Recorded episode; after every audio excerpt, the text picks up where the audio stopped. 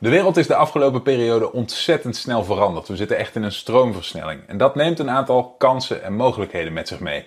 Daar gaan we het deze keer over hebben in deze online omzet podcast. Dus je bent ondernemer en je ziet de enorme kansen die het internet biedt om je bedrijf te laten groeien. Maar hoe grijp je deze kansen?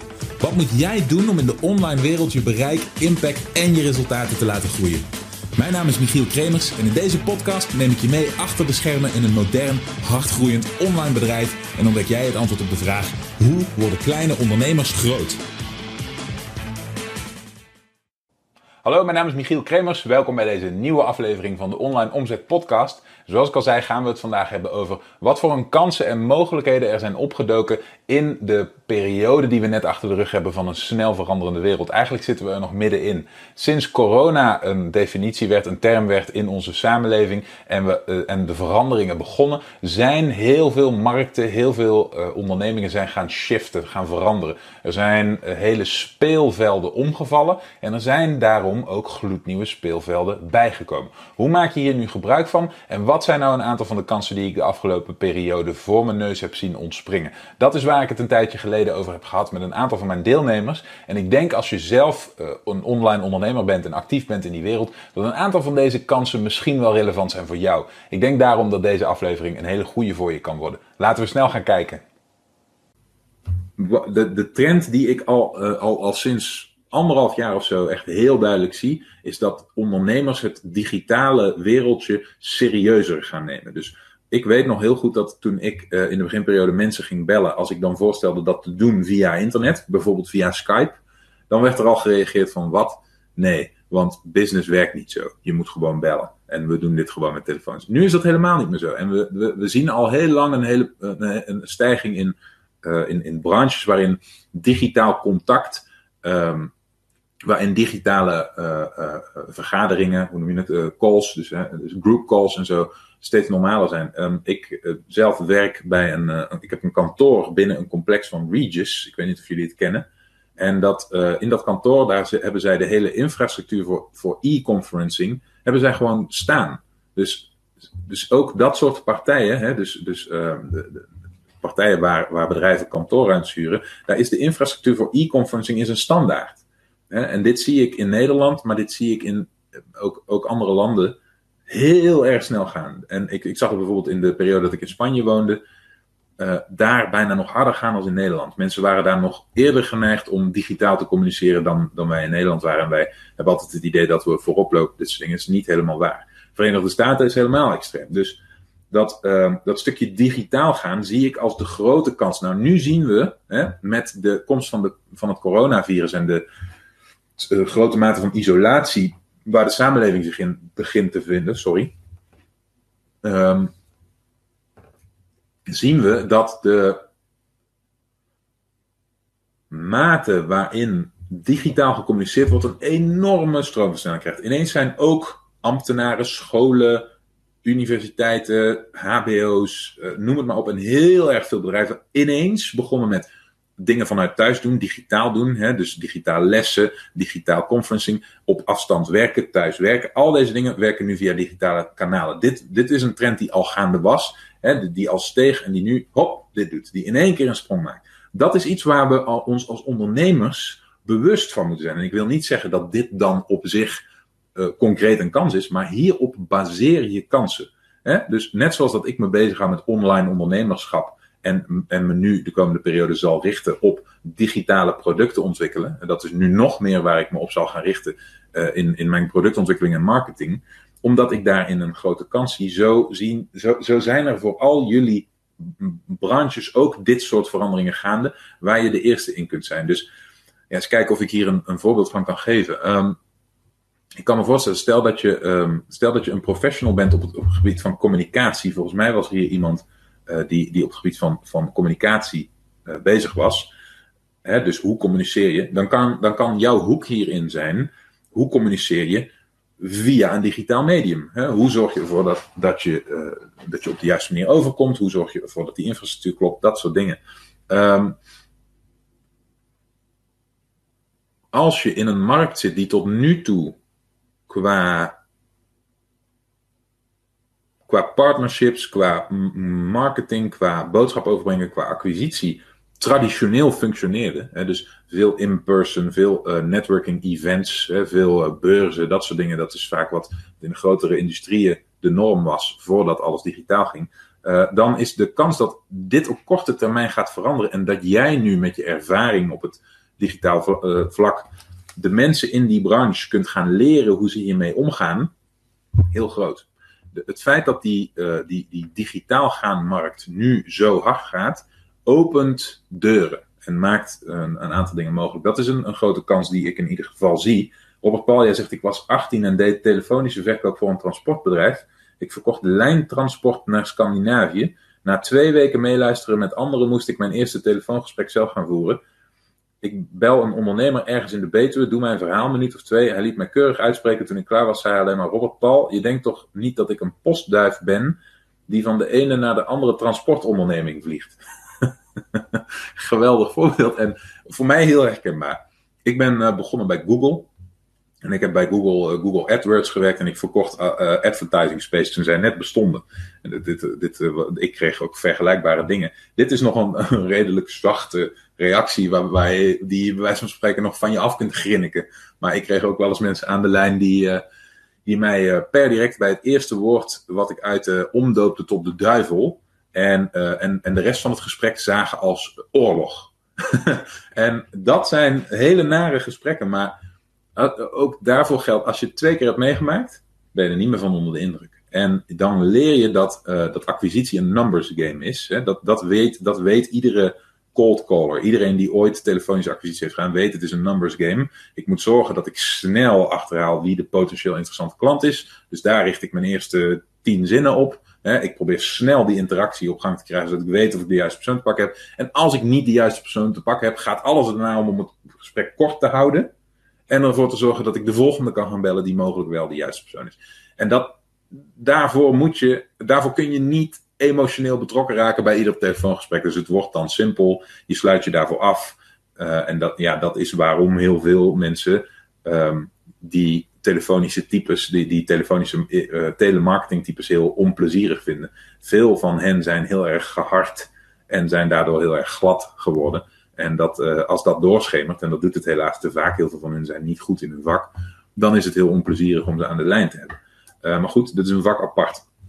Overigens ook een vak waar kansen in ontwikkelen. Als jij goed bent in telefonische sales, en, en er nu steeds meer digitaal gebeurt. Hè?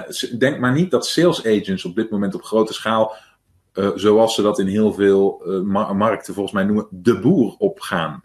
Dus denk maar niet dat er nu hele legio van sales agents in strak pak met een aktentas deur binnen aan het stappen zijn bij heel veel ondernemingen in Nederland. Denk maar niet dat dat nu gebeurt. Dus heel erg veel sales, uh, traditionele sales, vindt op dit moment digitaal plaats voor het eerst. Voor heel veel mensen voor het eerst al die mensen, die moeten daar misschien nog wel een en ander bij eh, over gaan leren. Allemaal kansen, allemaal mogelijkheden. Maar nogmaals, ik zie op dit moment meer kansen dan ooit. Um, ik heb digitale producten als kans die ik zie al genoemd. Ik hoop dat je die uh, inmiddels snapt, hè, dat je die ziet zitten. Maar een andere die ik heel duidelijk zie is media zelf. Op dit moment is de beweging van de gemiddelde persoon beperkter de, de fysieke beweging. Dus we zijn minder aan het reizen, minder uh, naar kantoren aan het gaan, minder in openbaar vervoer of in de auto aan het zitten. Minder over het algemeen. Niet niet, maar wel minder. Dat neemt nu af voor de hele bevolking. Ervan uitgaande dat de situatie zijn bodem nog niet heeft bereikt. Um, uh, kun je ervan uitgaan dat, dat, dat die beweging van de bevolking dus nog verder zal afnemen. En dat heeft als tegenbeweging, als tegeneffect, dat meer tijd gespendeerd wordt op media. En daar zie ik nog een enorme kans. Dat is er nog een die ik heel graag wil, wilde, uh, wilde, wilde aanstippen voordat we dit gaan afronden. De kans die, die er op dit moment ligt in media is dat, er, dat, het, um, dat de vraag naar advertenties, advertentieruimte afneemt. Omdat veel partijen bang zijn om nu geld te investeren in dat soort dingen. Kostenposten, uh, daar, daar wordt nu twee keer naar gekeken. Maar de vraag naar, uh, naar weergaves, dus de, aantal eyeballs die op, op media is op dit moment. Neem even een voorbeeld als Facebook in het sociale medialand of Instagram dat soort dingen. De hoeveelheden heden eyeballs die daarop vallen. Neem een website als nu.nl die anderhalf keer zoveel bezoekers per dag heeft, of is, is wat ik laatst zag. Daar, is daar staat een advertentieprogramma op waar je gewoon op kunt instappen. Dus de hoeveelheid vraag naar het vullen van advertentiespots is enorm gegroeid. En het, uh, het aanbod van advertenties is enorm afgenomen. Dat betekent dat er een overschot is aan advertentiespace. Dus dat de prijzen dalen.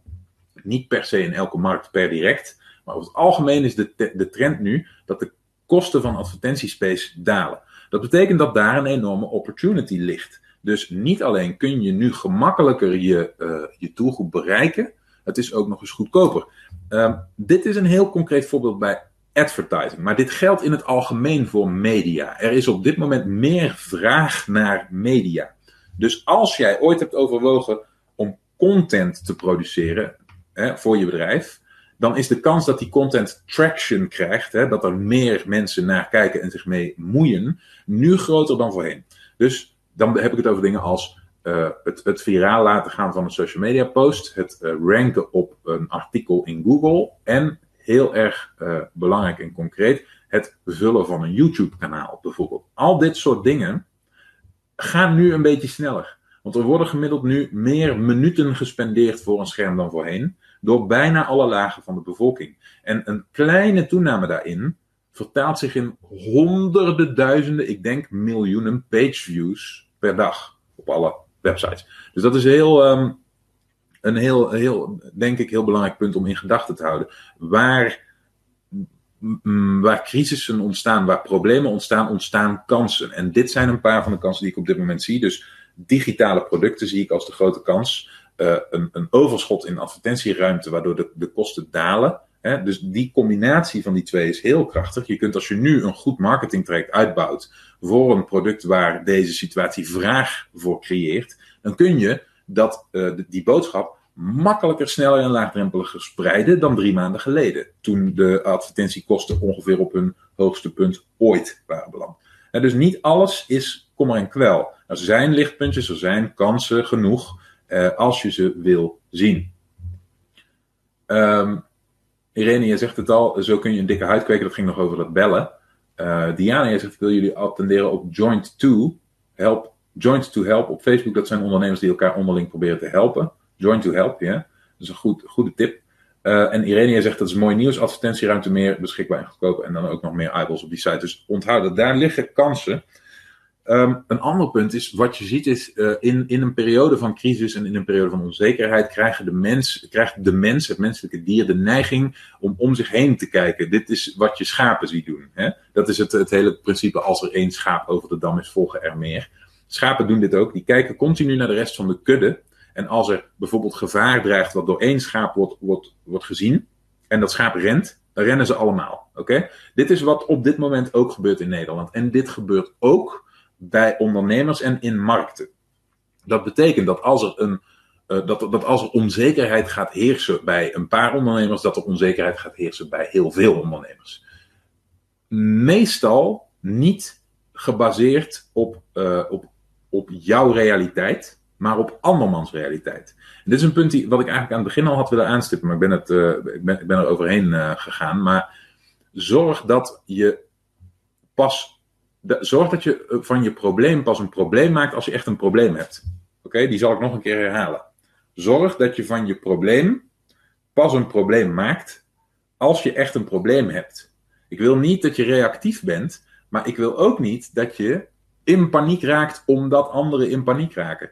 In deze situatie uh, laten mensen veel steken vallen in ondernemerschapsland, in advertisingland, in marketingland. Oké? Markten zijn onderbelicht. Markten zijn, uh, zijn, hebben vaak, in, in sommige gevallen, zelfs meer vraag, omdat aan lang niet alle vraag wordt voldaan. Nou, wat is hier een voorbeeld van?